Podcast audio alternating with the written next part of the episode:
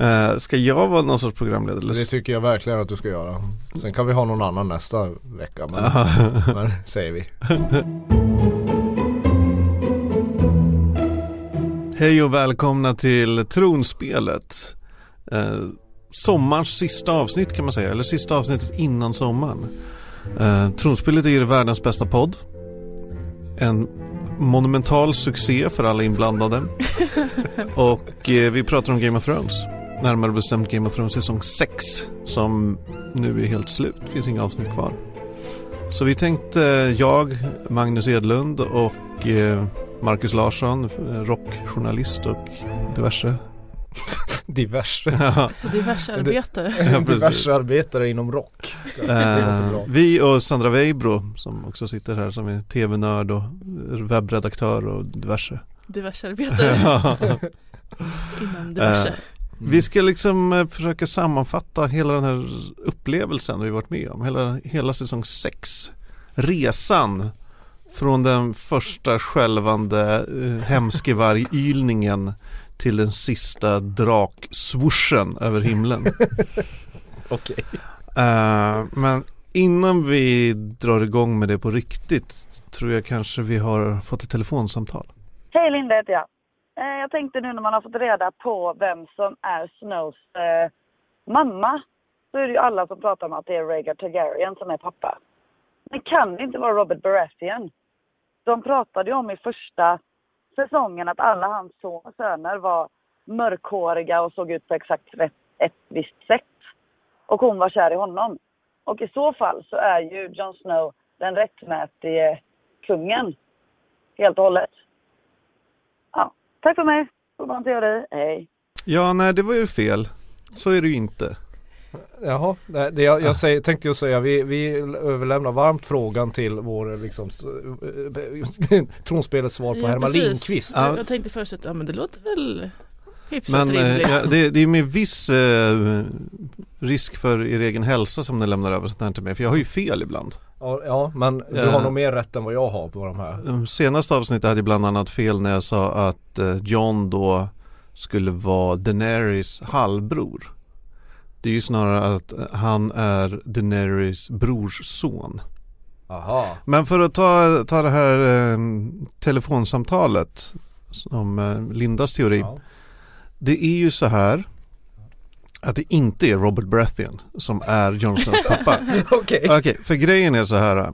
Eh, Robert Baratheon var jättekär i Lyanna Stark. Mm. Som då är, är systern i, ja, Ned Starks syster.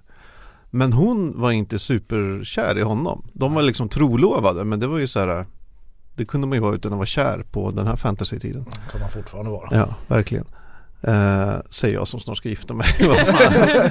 men eh, Lyanna så här är det. Hon, hon, blev kär i Rhaegar Targaryen under en turnering som utspelar sig sådär en 16-17 år innan första säsongen ens börjar. Mm. Um, och när hon och Rhaegar Targaryen uh, rymmer med varann så det är då Robert Baratheon och Ned Stark och alla de här tar upp vapen mot The Mad King.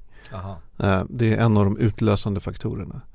Och Robert gör det ju mycket just för att han är superkär i Liana. Mm. Uh, men det finns liksom inget som säger att hon var kär tillbaks. Och i den här scenen vi såg i, i sista avsnittet så säger ju Liana till Ned vad fan är det hon säger? Berätta, håll det hemligt, berätta inte för honom, han kommer att döda uh, barnet. Mm. Och varför skulle Robert Baratheon döda sitt eget barn som han fått tillsammans med kvinnan han älskar. Nej, det, det, det låter faktiskt logiskt. Tycker jag. Det är väl, det är väl ganska, det är väl, vi kan väl vara säkra på, man kan ju inte vara säkra på någonting i den här serien, men vi kan vara säkra på att det är Rhaegar Targaryen som är Jon Snows pappa. Ja, och man kan, vi kan vara 100% säkra på det, för på HBOs officiella Game of Thrones blogg eller vad det nu är så la de upp ett så här relationsträd ja. där både eh, Rhaegar och Lyanna och John var liksom utmarkerade och då stod det tydligt så här, är son till. Ja, Så, var det, är, väl det är ingen mysterie. Men jag ber om ursäkt att jag Du, du kunde ha börjat med den informationen kanske? Ja men det är också tråkigt så här att, för man vet ju HBO har ju lurats Okej. många gånger. Mhm. Som de hävdar ju med en dåres envishet att Jon Snow var död inför förra säsongspremiären. Ja, de svor ju nästan på sin, sina Ja. föräldrars gravar att Ja, det han var ju död. ja, han, var ju, han var ju död Han, han var ju död, Han bokstavligt talat. Just ja, för det, så de ljög ju inte Nej de han, ljög han var ju inte. död Ja. Under säsongsuppehållet. Ja. Nej men det är många som har uh, mejlat in och, och sagt shame på mig för att jag råkade säga att, att John var Dannys halvbror. Det blir alltså två nakna män som the walk of shame ner för Kungsgatan här i, i, i, Stockholm Du och jag Marcus. Ja, jag har fortfarande inte gjort den Nej, vi, vi tar det när det inte är så varmt. Nej, precis Eh, vi svamlade ju också lite i förra avsnittet om var The Tower of Joy ligger. Ja, men jag sa ju att det ligger inte där i Dawn Jag måste ändå flika in det Du hade rätt. Ja, den låg Och i jag, Dawn den låg i Dorn och jag var lite osäker. Men det, det är kul, det är kul att ha rätt någon gång Ja, Ja. grattis. Tower of Joy för övrigt, det är ju väldigt freu- freudianskt Extremt. det, det, det, är, det är en stor fallossymbol som man kan föda barn i Ja. ja det och, och som om inte det var nog så ligger den ju alltså i, i bergen i norra Dorn. Okej så det är liksom ett torn på ett berg.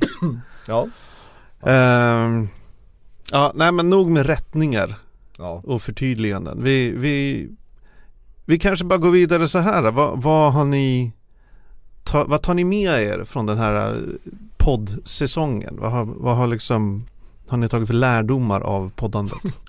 Alltså om man säger något fel då får man veta det. Ja, Det har jag märkt.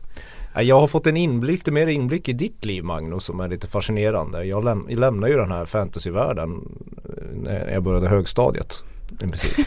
Ehm, men, men eh, alltså fans till fantasyserier är oerhört kunniga och oerhört militanta eh, i sina åsikter kan man säga. Men väldigt underbara oftast. Ja, ja, nej men alltså, det, det är ju det är ju en fantastisk värld att befinna sig i.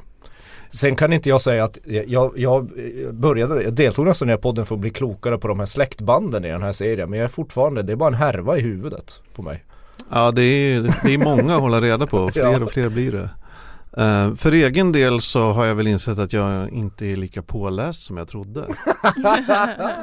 Nej men jag, jag Du satt hade ett bättre självförtroende innan vi började. helt klart. Alltså, helt knäckt nu. Lite knäckt faktiskt. När jag, när jag gick in i den här podden då tänkte jag så här, ja men jag läste ju de här böckerna alldeles nyss. Mm. Men sen insåg jag så här, okej den sen, sista boken, Dance with Dragons, den läste jag när den kom 2011. Och vi, böckerna innan har jag förvisso läst tre gånger vardera, men det var så här tio år sedan nu. Har du läst dem tre gånger vardera? Ja, Oj. så tiden har liksom gått. Och mitt minne har inte varit så, så färskt som jag trodde. Eh, så Ja, det är, plugga mer är väl min lärdom. Du kommer alltid vara Gandalf i det här rummet. Ja. fall, Det kan jag säga. Snällt. Uh, ska vi ta och bita tag i, i halsköttet på den här säsongen? Eller på det här, eh, Vi biter tag i Ramses ansikte och Ja. upp det tycker jag. precis, vi gör, vi gör en, en Ramsey. Mm. Vad tyckte ni om, alltså om man bara ser stort, vad tyckte ni, du Sandy, om säsongen, säsong 6? Eh, jag tyckte det var bra ändå. Det var liksom, det var en liten annorlunda säsong och det måste ju vara för att de har, eh, serieskaparna har liksom lämnat böckerna bakom sig allt mer. Eh, att de inte har liksom varit fast i det som George R. R. Martin har skrivit. Så det har ju varit lite mer, kanske lite mer action än tidigare. Förut har jag för mig att det var mycket liksom folk som var ute och promenerade och pratade och de kunde liksom vara ute och vandra i massa avsnitt. Mm. Det har varit mindre sånt, mer liksom pang på rödbetan. Ja, de har ju helt slopat transportsträckorna. Ja, alltså det, det märker man märker. Den här säsongen var väl den här säsongen var väl den säsongen när, man, när, när, när handlingen verkligen börjar röra sig framåt. Alltså det, fördelen med det är ju att det hände ju mer saker i den här säsongen.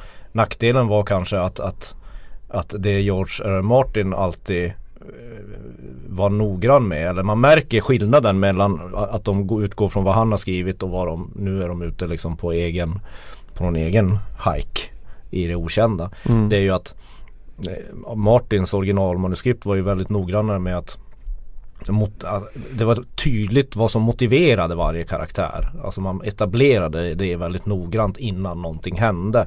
Nu känns det som att de är tvungna att hoppa över massa sådana här det blir lite lo mycket logiska luckor, det är väl det jag kom, vill komma fram till. Mm. Även om det är mycket mer underhållande att titta, titta på. Och eh, det är inte lika frustrerande att han, handlingen står inte lika still. Så det är, jag, jag tar med mig den här säsongen, det är både och. Den var både, både det är nog den mest underhållande säsongen men det finns ju brister på mm. ja, Jag håller nog med er båda. Jag kommer framförallt att tänka på vår kollega Niklas Wendt mm. som eh, när han pratar om de första böckerna och där kan man applicera på eh, serien också beskriver det som att varje i böckerna, varje, varje kapitel hakar i nästa och driver motorn framåt eller driver farkosten som är den här berättelsen framåt. Alltså allt hakar i varann. Eh, men sen efter ett tag, eh, ja, i serien är väl det kanske förra säsongen och möjligtvis den innan det. Så börjar de här kugghjulen snurra lite, de tar inte i varann hela tiden. Mm. Utan ibland är det bara något som, man, som bara ligger och snurrar i ett hörn och man fattar inte vad, aha, vad, varför ser vi det här. Mm. Men i den här säsongen så tycker jag att nu, nu har kugghjulen börjat ta i varandra igen. Mm. Precis, och som du var inne på Marcus, att, att storyn kommer igång, det händer saker och liksom det, det, det drivs framåt väldigt mycket. Kanske lite på bekostning av att man inte fattar alltid varför folk beter sig som de gör. Nej men det är liksom, det är mycket, alltså det är mycket den här säsongen känns det som att de sätter igång saker som de börjar få lite bråttom tror jag. Mm. För jag läste någonstans att serieskaparna har ju ända från början när de sa ja till serien, det kan ju vara en efterkonstruktion från deras sida, men då sa de att de har 75 avsnitt på sig, mellan 70 och 75 avsnitt, då ska de ha berättat klart den här mm. historien. Och det, vi börjar närma oss nu. Det är det som känns att de var tvungna att sätta igång slutspelet på något sätt och därför blir det ganska stora hopp framåt. Mm, och en sån logisk grej som vi har stört oss mest på det är ju det där med varför Sansa inte eh, kommer med Littlefingers armé tidigare eller liksom har larmat om att de är på väg. Mm. Ja, där har vi fått jättemånga mejl eh, från folk som tycker det är märkligt. Mm. Så med, ja, bland annat Magnus Blomberg och, och, Lisa Johansson har båda försökt sig på uh, antingen att ifrågasätta var, var, var, varför kritiserar vi inte det här mer men också försöka ge några förklaringar. Och eh, alltså det finns ju ingen förklaring. Nej, varför var... hon inte gör det. Nej men det, det är ju det som är eh, alltså, Om man ska ta det sämsta med säsongen så är ju det eh, Det är nog bland det sämsta med säsongen. Det är Sansa Starks obegripliga hemlighållande mm. av, av sitt trumfkort för sitt eget syskon. Det finns ju ingen rimlighet i det. Och om det här då innebär som många liksom spekulerar i att, att Littlefinger kommer använda Sansa och, och split mellan Sansa och Jon Snow. Så känns ju det också helt ologiskt efter Ja men Sansa och Snow, nu kan ju Sansa ha blivit så här förändrad av all misshandel och tortyr hon har blivit liksom utsatt för. Rent mentalt men det känns mm. ändå för ett så, det känns som ett onödig in, intrigrulle att rulla upp inför, inför slutspelet. Det känns inte, jag hoppas de inte går den vägen. Nej, det skulle kännas lite tröttsamt tror jag. Det var, jag, nu har jag glömt namnet men eh, någon som mejlade in angående det här eh, Johns föräldrar. Nu när det visar sig att John och Sansa är, vad fan blir det? Halvsyskon. Mm. Så kan ju de på gammalt traditionellt Targaryen-manér gifta sig med varann. de är inte ens halvsyskon, de är kusiner, förlåt. Ja men då är det väl, då är väl Norden säkrad då. Ja. Då behöver inte Littlefinger komma in med sina små intrigfingrar och stoppa in dem på ställen som de inte ska vara på. Vi har ju redan börjat snacka lite om Sansa här så vi kan väl eh, fortsätta. Sansa, John och The North om man tar den partiet. Stora problemet, det har vi redan varit inne på, Sansas oförklarliga bara tystnad som mm. är helt out of character och aldrig riktigt förklaras. Eh, men vad tycker ni om den delen av säsongen i övrigt? Ja, det har ju hänt mycket. Det ju dels att eh, Jon Snow väcktes till liv. Sen också var det, det var en fin reunion mellan syskonen. Mm. Och sen att Brienne kom upp dit och eh, hennes lilla flört med tor Tormund. eh, och sen liksom det här stora slaget. De är äntligen också på, på väg någonstans. De är inte bara uppe där i eh, Nice Watch och häckar. Nej men precis. Ja men jag tycker nästan det bästa avsnittet, alltså den bästa scenen och bästa avsnittet det måste ju vara Hold the Door, alltså Hodor. Tycker jag. Dels för att det är White Walkers. Alltså det, man fick sitt lystmäte av White Walkers väldigt tidigt i, i säsongen och det tackar ju jag för. Sen är jag besviken över att inte muren han rasa i den här säsongen. Men i alla fall, det, Det tycker jag, det, det kommer. Men det, jag, jag tycker, ja men det så fick vi ju se liksom Ramsey och Jon Snow och Sansa göra upp. Det var ju fantastiskt. Vi fick en förklaring varför Bran var där uppe och åkte släde och släpade sig omkring och såg miserabel ut i säsong efter säsong. Mm. Eh, och som sagt det där avsnittet med Hodor var väl Det var nog det avsnittet som var mest Game of Thrones för min del. För att det var det som överraskade en. För annars börjar det bli lite mycket att att, att, att vi och fansen kan nästan förutsäga vad som händer hela tiden. Vi, vi blir nästan för belönade i våra i vår längtan efter någonting liksom. Det- karaktärerna ska hamna. Det var ju ingen som blev överraskad av att Battle of the Bastards dök upp plötsligt. säsong- Nej, det, det, det kan väl inte vara någon som är överraskad över att, att Cersei tar makten heller. Alltså det, det, de etablerar ju ganska tidigt att något kommer hon ju göra. Mm. Kom, och, och det, är- eh, man blir väl kanske inte heller så överraskad att Danny till slut sätter sig på en båt. Nej, det var fan på tiden. Precis, det var väl saker som du Magnus hade förutspått också. Ja, så glatt. Ja. Ja, nej, men så det- glad blev du då. Mm. Eh, ja, jag, jag tycker på många sätt har det varit intressant uppe, där uppe i norr. Ja. Alltså det är, jag gillar framförallt Lyanna Mormont. Henne får de gärna ha med fler gånger nästa säsong. ja, hon är ju bäst. Ja. Och jag såg ett tweet från något så här fake George R. R. Martin konto. Där det stod så här. Han bara. Ja, ah, ni tycker om Lyanna Mormont. Jag noterar det. Ja, ja. Ja. det är väl, hon kanske har, går samma öde till möte som Tommen. Ja men precis. Ja. Nej det hoppas jag inte. Eh, Men eh, på tal om, eh, om Tommen. Vi, vad ska vi ta avhandla Cersei och Kings Landing och allt som hände där när vi ändå är i farten. ja, jo. Vi fick ett mail från Sebastian som, där han skriver Vad tycker ni om avslutet i Kings Landing? Är det säkert att alla som närvarade på rättegången måste vara döda? Egentligen såg man ju bara högsparven brinna upp. Ja, men jag orkar inte. Det, alltså, det, det har varit så mycket under den här säsongen som du har suttit och sagt. Jag, jag och Sandy har suttit här och bara Ja men han är ju död. Ah, eller? Det börjar bli lite mycket nu. Det är klart de måste vara döda. Det var ju för fan en, en kärnvapenexplosion. Ja men typ. typ. Ja, nej det finns väl Det blir jättefånigt om någon kravlar sig fram där i, i nästa säsongsöppning med rykande kläder och ah, Alltså Ja, man, precis, det är början på säsong sju. alla utom högsparven kommer upp ur bråtet. Visst det är väl inte så här helt bortom ah, rimligheten att någon överlever men nej. Alltså eh, som Sebastian skriver att man bara såg hö, högsparven brinna upp det är väl inte riktigt sant för man ser väl även åtminstone Loras hans ögon som fylls av liksom reflexen av grön eld vill jag minnas. Ja, du menar han, eh, Han som ligger och kryper där kusinen, nere. Han som kryper där nere. Ja, eh, Marjorie's eh, Brorsa. precis. Nej, Jo, nej jag hade nu, inte nu, ska, det- kryper där nere. nu, nu, ska vi, nu ska vi hålla tungan rätt i mun nu. Eh, Lannister, killen, Lancel Lannister är det väl, som kryper ner i- nej det var inte han jag menade. Aha, Jag okej. menade ehm, han som fick ett eh, märke inristat i pannan. Jaha, Mm. just det. Ja. Mm. Eh, Loras Ja, eh. Tyrell. ja, just det. Just. Ja, ja. Nej, men vi, vi hoppas alla att de allihop är död. Mm. Ja, Det känns som att det var, det var, det var liksom slutet på den, liksom deras tid på något sätt. Nu kommer en annan, nu kommer liksom eh, Cersei kliva fram som the mad queen. Mhm. Men alltså Cersei fick ju väldigt lite tid under säsongen skulle man ju kunna säga. Alltså det, det var ju lite frustrerande att se. Man visste ju att hon hade en plan. Men det var ju lite frustrerande att se i avsnitt efter avsnitt när hon gick med den här The Mountain. Och det hände, det hände ju inte så mycket liksom. Hon stod och muttrade. Det hennes stora, de sparade ju det till sista avsnittet. När hon satte igång allting i rörelse. På något sätt. Mm. Ja det var väldigt lite hint om hen- hennes plan, det var det. Nej jag tyckte handlingen i den här säsongen handlar ju om, den flyttar ju sig från Kings Landing. Liksom. Ja.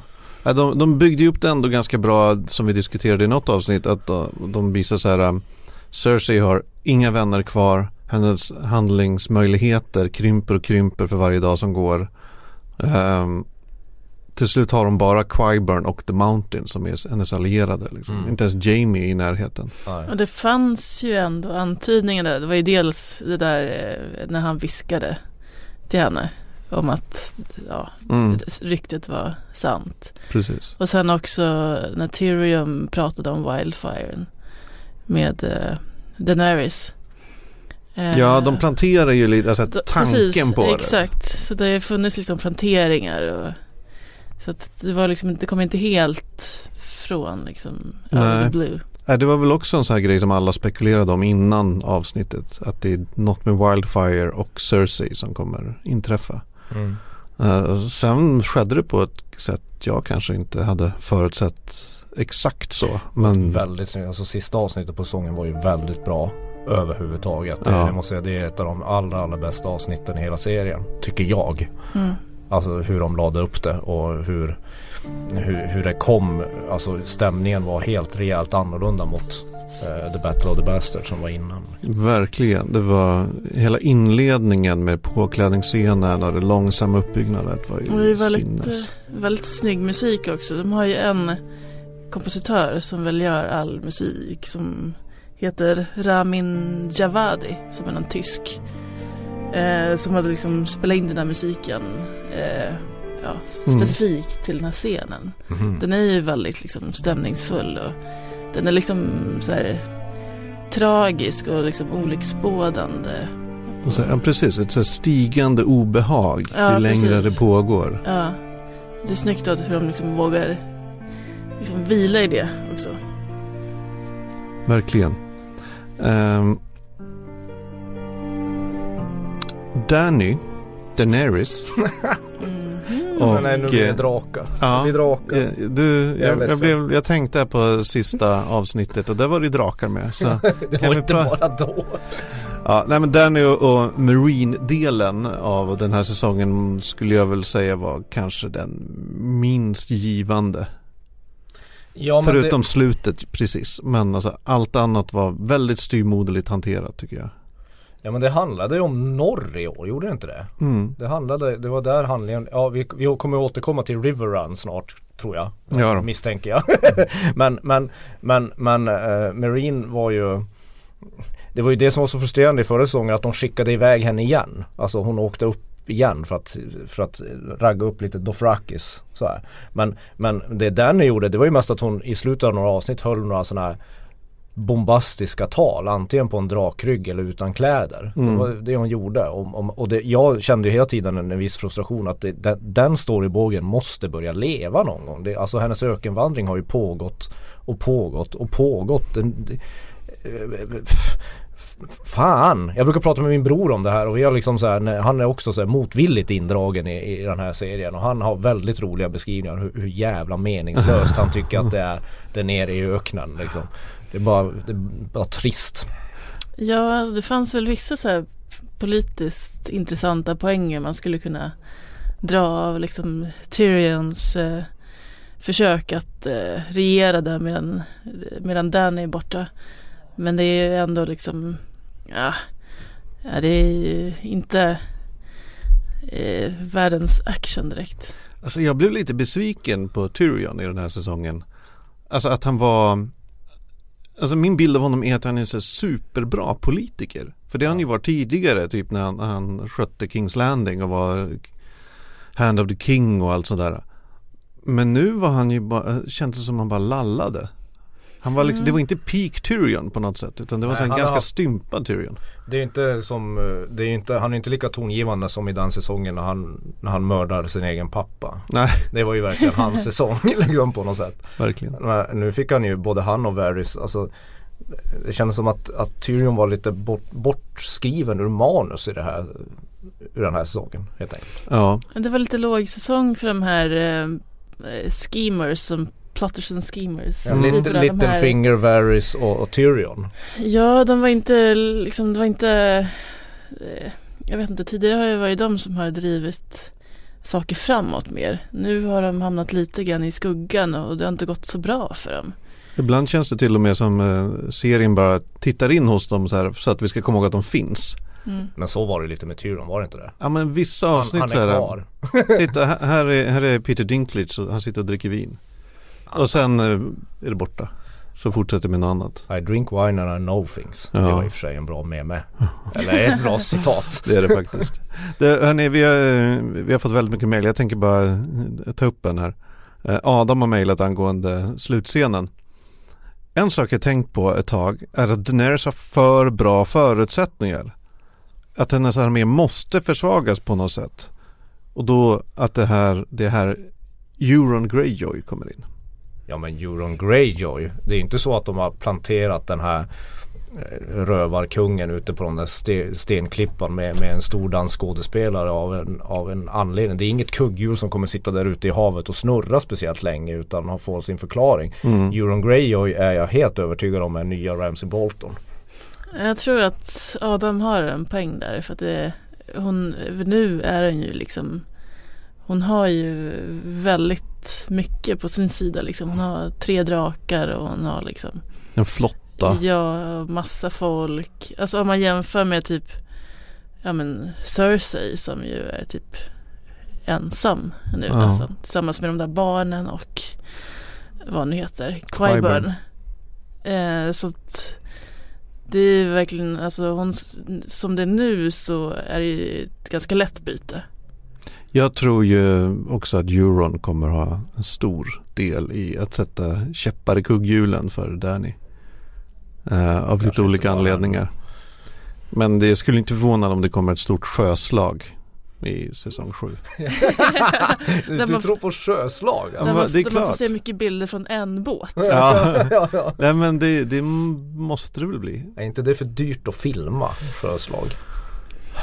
Kan vara. Ja. Eller så är det att, de, att det är så här. Oj, vi kan inte ha det stora sjöslag för många skulle dö. Vi går i land här och, och på en ö och fredsförhandlar. Och så händer skit. Fredsförhandling. Det kan, ju, det kan ju vara så att det kan dröja väldigt länge den där, den där sjöresan som Danny tar. Ja, men det Förmodligen får kommer de, inte vara. de kommer förmodligen stranda på någon annat ställe Ja. innan de kommer fram till vars de nu ska. Kings Landing antagligen. Jag ska inte gå in på det för mycket men det, är, det finns vissa, vissa saker om Euron från böckerna som jag undrar om det stämmer i serien också. Okej. Eh, så vi, vi får se om ett år. Ja, Ja. vi får se om ett år. Ehm, jag vet inte, är det, jag tycker vi kanske skiter i att nämna det här att Varys rider eller åker fram och tillbaka så jäkla snabbt.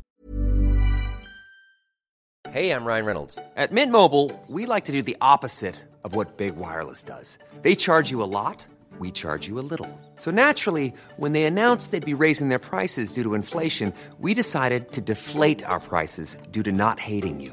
That's right. We're cutting the price of Mint Unlimited from $30 a month to just $15 a month. Give it a try at mintmobile.com slash switch. $45 upfront for three months plus taxes and fees. Promo rate for new customers for limited time. Unlimited more than 40 gigabytes per month. Slows. Full terms at mintmobile.com. Och att, lite, att, det, att det inte finns några resor och därför ser det ut som folk teleporterar fram och tillbaka över Westeros. Ja, vi kan bara konstatera att han reser otroligt snabbt Ja, förra avsnittet. Var Ja, fram men och det är tillbaka. någon, jag tror man får, vi får nog skita i tidsaspekten i, i Game of Thrones för det skiter ju uppenbarligen serieskaparna Ja. i eftersom eh, dels att Varys teleporterar sig fram och tillbaka Arya Stark gör ju i princip det lika Mm. ofta och, och Euron Greyjoy bygger ett skepp, en armé med tusen skepp från Ekollon liksom. Mm. Alltså jag menar det man får skita i det. ja, vi får bara acceptera att det, det är så serien är Det är nu. fantasy. Ja. Det kan komma, man kan smida svärd från kometnedslag liksom. Är, Jag, jag gissar väl att det kanske kommer bli lättare att hålla, hålla någon sorts eh, jämn tid när folk är mer samlade. mm. Men vi får se. Ehm, Jamie och Riverrun. Det är ju också en härlig, Nej men sluta nu. Alltså man älskar ju Jamie och hans fina rustning och The Blackfish och hans fina rustning. alltså, det, alltså Ja, Jamie Lannister får alltid peace röstningarna. ja, Jamie Lannisters röstning får alltid dig att liksom tvivla på din egen sexualitet. Det är otroligt fascinerande att sitta i det här rummet och prata om hans plåt. Älskar Jamie Lannisters plåt. Ja men nu, nu kanske han får lite eh, konkurrens från syrrans eh, Evil Queen outfit Ja, som vi pratade om i senaste så det har ju varit väldigt bra så här, kostymörer och proppmakare. Men den här- River Run var väl typiskt sådär. Massa folk drog dit Mm. och vi trodde att det här, vi beskrev ju som att River Run blir ett clusterfuck. Ja, River Run blev ju ingenting. nej. Nej, det var verkligen, Så här, poff bara. ja men precis, poff. Och så man bara, va? Var det här allt? Ja precis, den här fina liksom Blackfish-rustningen Ja. de har byggt och så bara Nej. sumpar de det.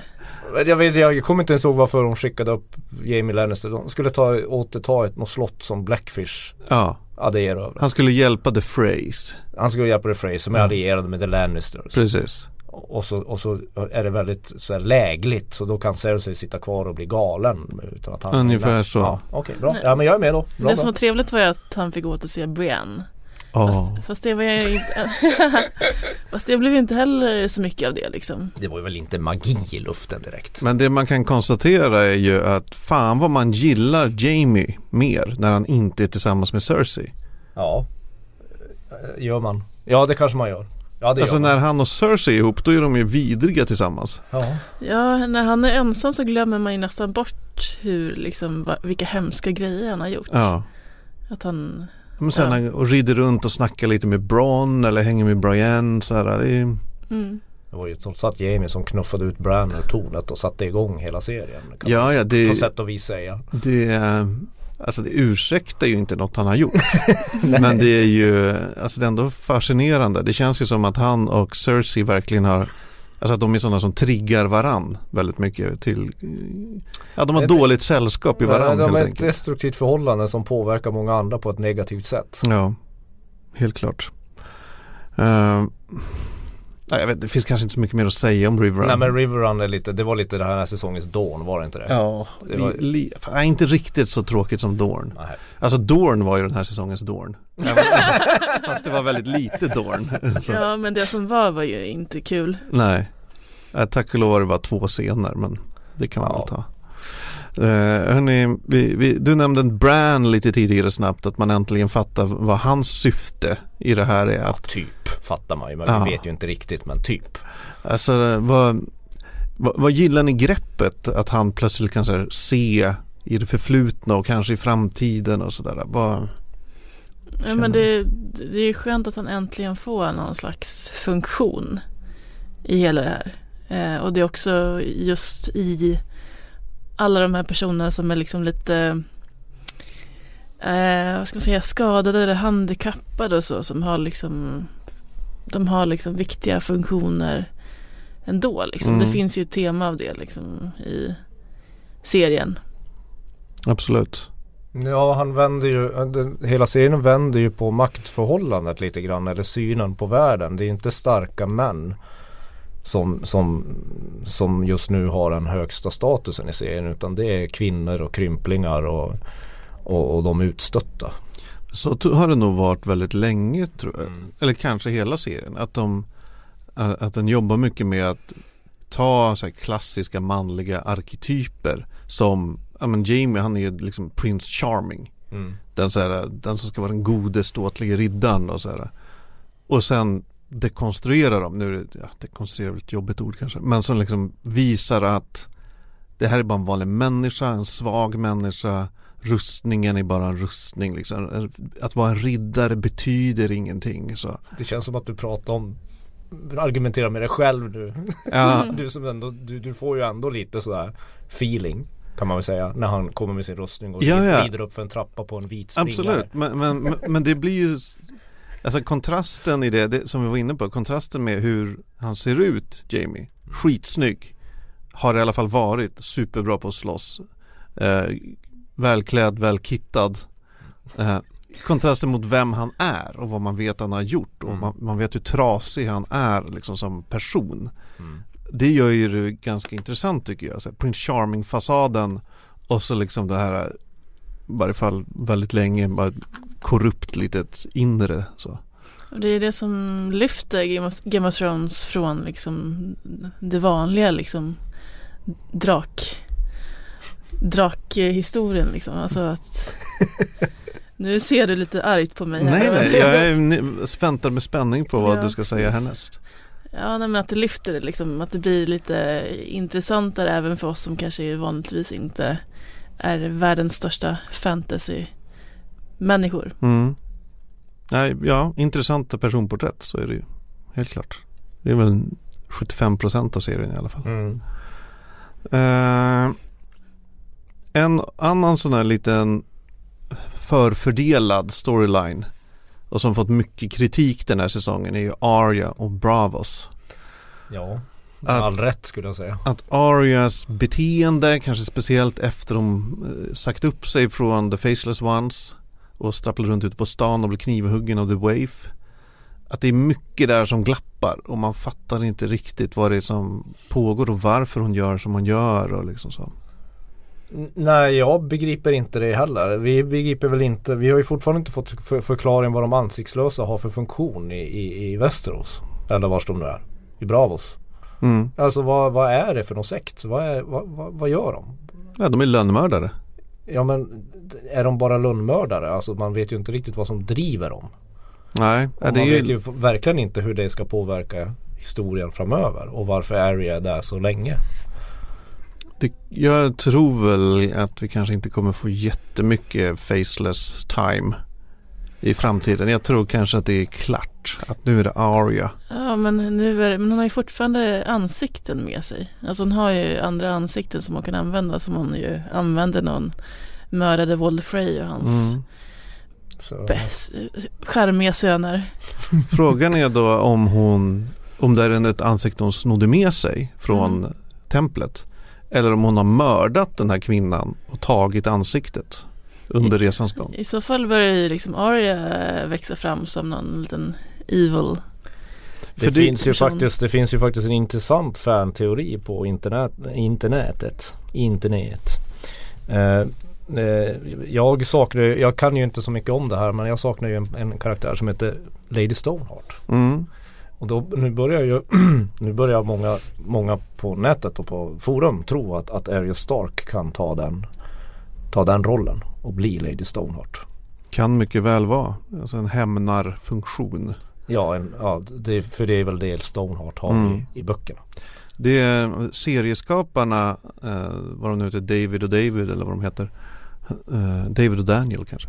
Har, har sagt om just den här scenen med Arya men även scenen med Sansa där hon släpper hundarna på Ramsay. Det är att så här, ja visst delvis är det ju här eh, en sorts så här, power-ögonblick för de här kvinnorna.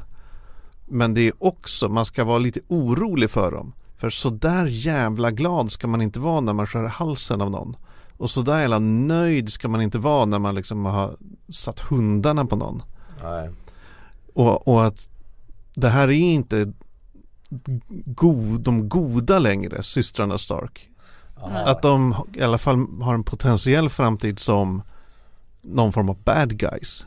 Mm. Eller i alla fall en, en, en väldigt mörk, mörka liksom, vad heter det, personligheter framöver. Jag vill bara återknyta till det jag sa om Arya att det finns ju en scen eh, i tidigare säsonger där eh, Cersei håller på att lägga ett stenhjärta Ah, det har jag missat. på en eh, fönstersmyg. Eller hon petar på ett stenhjärta. Ah, det missar jag Och, helt. och det kan ju vara någonting som vi kommer få förklarat eller återknyta till Ja. i kommande säsonger. Ja, Arya har ju alltid varit min favorit och jag hoppas att det, hennes story kommer vara intressantare de Ja. närmsta två säsongerna. Den fick ju, det, det var ju roligt när hon bakade paj Ja, av, av, av, av sönerna, av Freys söner. absolut. Samtidigt var det också en del i det där att när man inte liksom, när de hoppar liksom så man inte får så Ja mycket förklarat. Ja. Hur har hon liksom tagit sig in i köket och liksom tillagat dem. Och, Men det är ju också ett det här att det är inte en frisk människa som gör en sån här sak. nej nej nej. Alltså, alltså hon, det, är, det är något som glappar i skallen på henne. Det är ju hon är- liksom hon är- superpsykopat seriemördarbeteende. Ja, hon är ju liksom inte Daenerys eller Sir Davos eller Jon Snow längre. Nej. Det, ju- det är något annat som har hänt med Ja. Ehm, vi, en av mina favoriter den här säsongen är ju Sam och Gilly. Ja, nej, jag vet inte om ni är favoriter men jag, jag har ändå varit glad att vi fått titta in hos dem i åtminstone två tillfällen. Ehm, i, på tal om det senaste avsnittet när Sam kom fram till eh, Old Town och biblioteket så uh, mejlade Johnny in med rubriken Ännu en dansk. Han skriver så här Var det ingen mer än jag som noterade att ännu en dansk introducerades i senaste avsnittet? Kan ni gissa vem? Kan ni gissa vem? Ja, ni har säkert läst det här mejlet, så jag går vidare. Jag, jag låtsas som att jag, nej berätta. Ja, tack. Eh, den bittra bibliotekarien i Old Town spelas av ingen mindre än den eminente ståuppkomikern Frank Vam. Eh, Känd från bland annat eh, filmen Clown. Clown. Eh, Är det en ny huvudkaraktär vi just blev introducerade för? Frågetecken. Nej det lär det ju inte vara Johnny. det-. Däremot så är det ju intressant vad Sams, eh, eh, vad, vad säger jag, Sams jobb eller Sams, vad, vad, han ska, vad de ska ta vidare den storybågen där, Mm. ehm, i, i biblioteket. Det är många som har lagt märke till det vi lade märke till att vignettens sån där symbol är ju en lampa Mm. i biblioteket. Det finns en symbol i vignetten som Just är det. en lampa. Jag tror att, att Sam kommer ha något att göra med sis, sista striden att göra, alltså The Night King.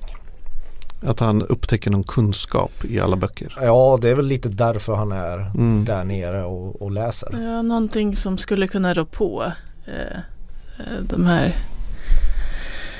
de här eh, vint, vintergubbarna. För, då, då, vadå de här vintergubbarna? De här White vinter- Walkers för fan. Liksom. Det, det är ju den här seriens bästa spelare. Vintergubbar. Eh, Ja. Det är liksom det är Chris, det är, det, utan White Walkers så vore det som Portugal utan Ronaldo liksom. Det känns ju helt uppenbart att Sam kommer lära sig något eller upptäcka något. ja, jo.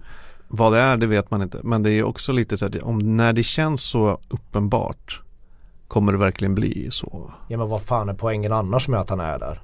Vad är poängen med honom? Jag vet inte. Det måste ju ha något att göra med mina favoriter. Så jag hoppas Snögubbarna. Att, ja, jag hoppas att han läser fel bok. Eh, så ja. han inte kommer Det var på intressant att inget gjordes av att han snodde svärdet. det. Fast det kommer ju.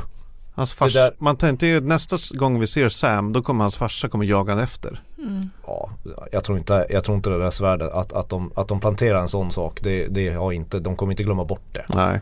Hade, vi, kom, vi kommer nog få en förklaring varför han har det svärdet. han hade med det så här inslaget i en så här presentförpackning typ. Så här, figurinslaget. Ja, kändes som att han var på väg till ditt bröllop. Lite grann. Lite grann.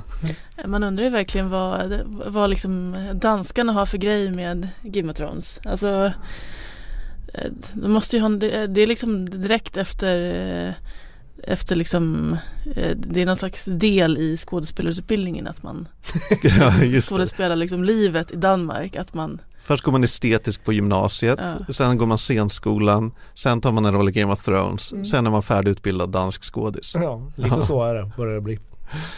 Uh, vi, vi ska ta ett sista perspektiv här innan vi börjar runda av. Ja, Um, Theon och The Iron Islands är ju, fick inte jättemycket utrymme. Euron har vi pratat om lite, han är lite scary. Eh, men vad, tror ni för Tions, eller vad tycker ni om Tions utveckling den här eh, säsongen? Alltså han har ju, han har ju liksom kommit, han har ju skärpt sig lite grann. Han var ju så himla liksom deppig. Men han, eh, det var ändå han som lyckades lite grann rädda Sansa. Och han har liksom, ja, ändå hjälpt sin syrra nu, Yara Greyjoy.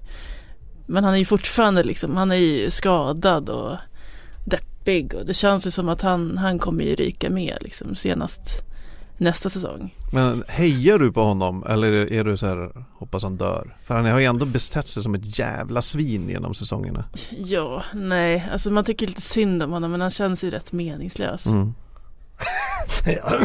ja jag håller med. Jag, jag, jag vet inte vad de, jag, jag har faktiskt ingen aning vad de ska göra av Fion. Jag, jag, jag vet faktiskt inte. Nej. Det är ju Jara det handlar om och det är Euron tror jag. Men han Ja. kommer väl ha någonting där. Ja, precis, folk För Ramsay är väl... ju död. Ja. Vem har Fion kvar? För man kan ju alltid så här prata om, om jag får bryta den här bollen Mm, du pratar om. Det, varför är The Hound tillbaka? Det är jävligt intressant. Uh, serieskaparna pratar ju om att han är så omtyckt bland fansen. Men det har inte med det att göra, det verkar Nej. helt sinnes. Men det måste det måste, alltså Fion har jag ingen aning om vad de ska, vad, vad, han, vad han ska ta vägen i serien. Men The Hound, någon gång i nästa säsong så måste ju The Hound återförenas med Arya. mm. Och det är ju inte så långsökt att gå från att The Hound träffar Arya till att The Hound då får ställas mot sin bror The Mountain. Någon gång kommer det ju ske. Mm. Ja, vi bland många trodde att det skulle hända i den här säsongen. Ja. Och det, må, Men- det måste ju finnas någon poäng också med att han eh, träffade den här Beric Dondarrion och Thoros of Myr. Ah, Applåder! mina favoriter. Ja, precis. Att de liksom dök upp där igen och att de liksom nu har eh, liksom slagit ihop sina påsar eller i alla fall tillfälligt. Mm. För att eh, de är ju på eh, Arias killlist. På hennes dödslista. Är de? Jag tror det. Det är vad jag har läst i alla fall. Att hon har haft med dem eh, sen tidigare. Och The Hound var ju också med förut men han är eventuellt borta från den listan. Det kan ju vara för att hon tror att han dog.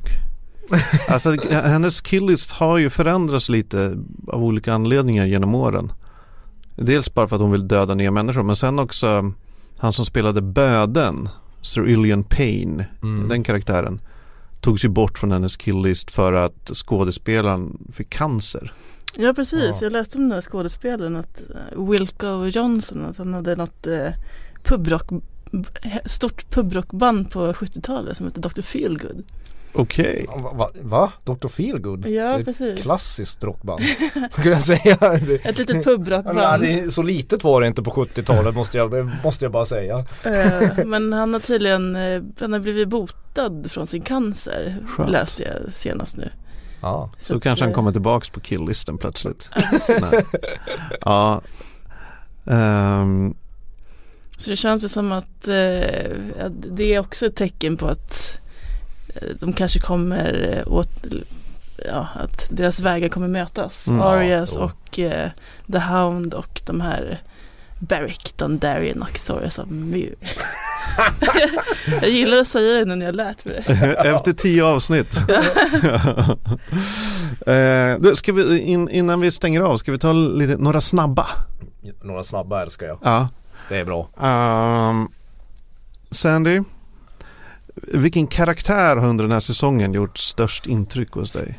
Ja, men vi har ju typ snackat om det redan att den här Lena Mormont på Bear Island var Mm. ju häftig. Det är så härligt när det liksom dyker upp nya personer som är liksom roliga. En riktig liksom fierce liten tolvåring eller vad det är. Ja hon var fantastisk faktiskt. Your son was butchered at the Red Wedding, Lord Manderley. But you refused the call. You swore allegiance to House Stark, Lord Glover. But in their hour of greatest need, you refused the call. Ja det är väl alla i det här rummet överens om att det var väl den stora nya karaktären och de som vi har sett då så tycker jag Sir Davos hade, Ja. hade en, det, det är liksom Han stod ju för, med honom kunde ju manusförfattarna använda en sån här lågmäldhet som, som de kanske gick ifrån annars i, i den här säsongen utan han var ju liksom Han är den lågmälda diplomaten som vet vad det riktiga striden handlar om och han är sjukt bra skådespelare och, och, och, och var i många det, så här, stämningsfyllda scener uppe i norr så, så var det Sir Davos som, som jag tyckte tog över på något sätt. Och han kommer ju vara liksom, jag tror de kommer fortsätta använda honom. Jag tycker, tycker mycket om honom. Nu antecknar George R. Martin. Ja. Aha, folk börjar gilla honom. Eh, för, för egen del så, ja, det är ett ganska fegt val där. Men det man fick i, med Hodor-avsnittet.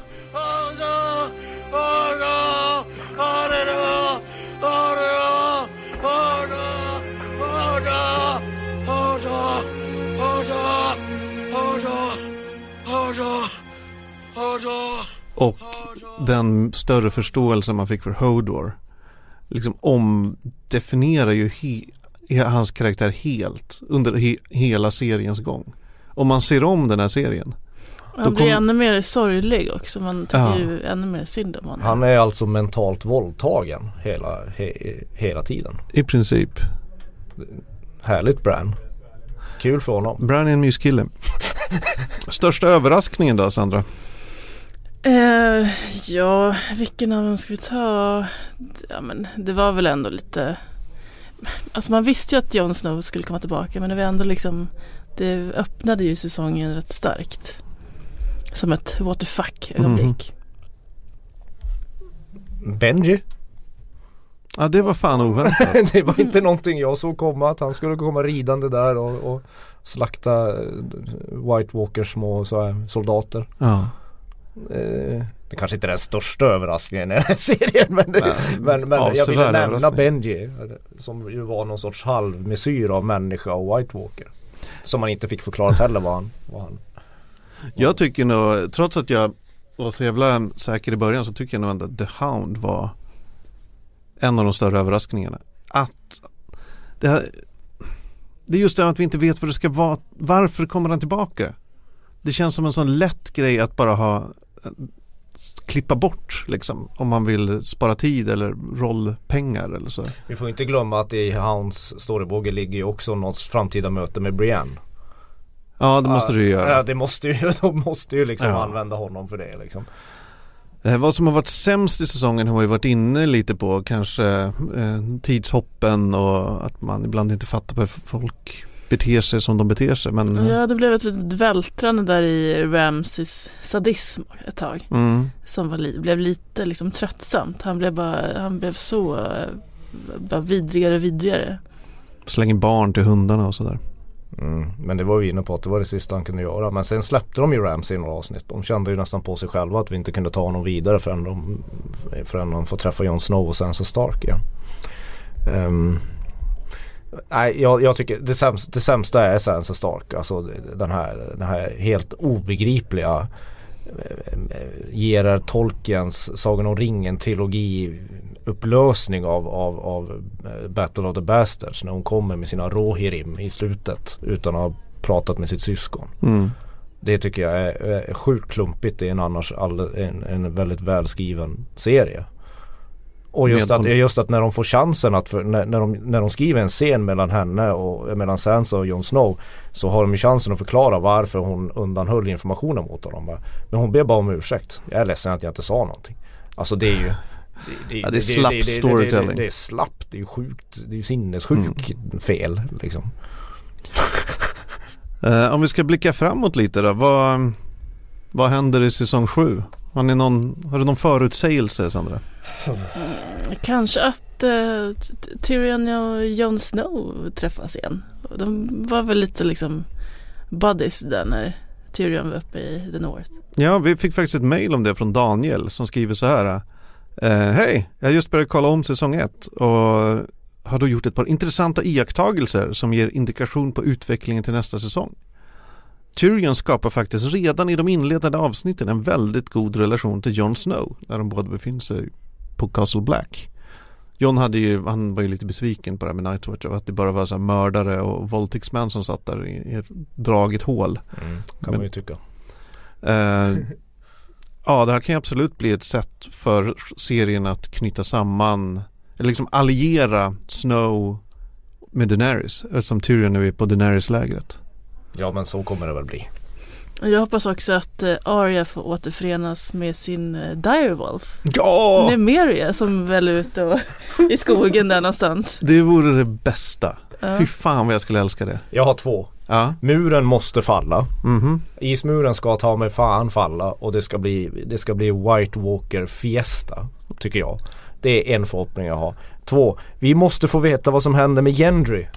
Gendry! Roddpojken. Ja, de kan inte bara släppa honom, det vore ju helt... De planterade väl i och för sig att han inte kunde simma. Ja, det gjorde de. Så det är Han har drunknat alltså. no.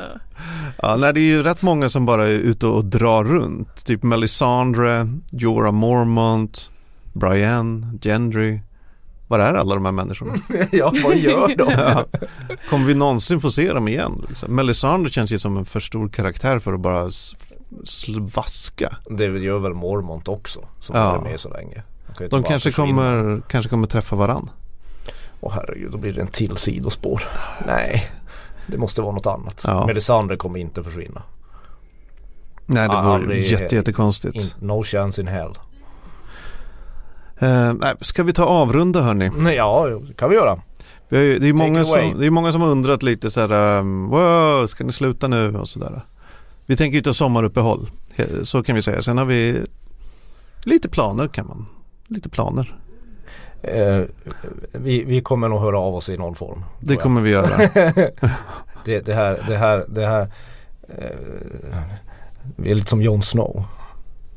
Är vi döda eller inte efter det här Precis. avsnittet? Ja, det är ju många som har, Eller lurar en Melisandre utanför dörren? en vanlig rubrik i mejlen vi får är eh, skärp er eller lägg av. Så det är väl liksom mellan de två ytterligheterna vi står här nu. Ja, Mm. skärpa oss eller lägga av. Vi får se.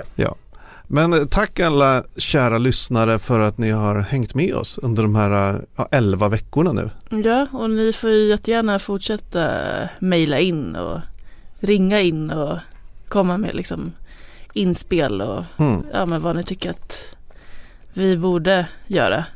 Precis, eller bara ligger ni i hängmattan och kommer på en fet Game of Thrones teori. Mejla tronspelet aftonbladet.se eller ring 08 725 2357.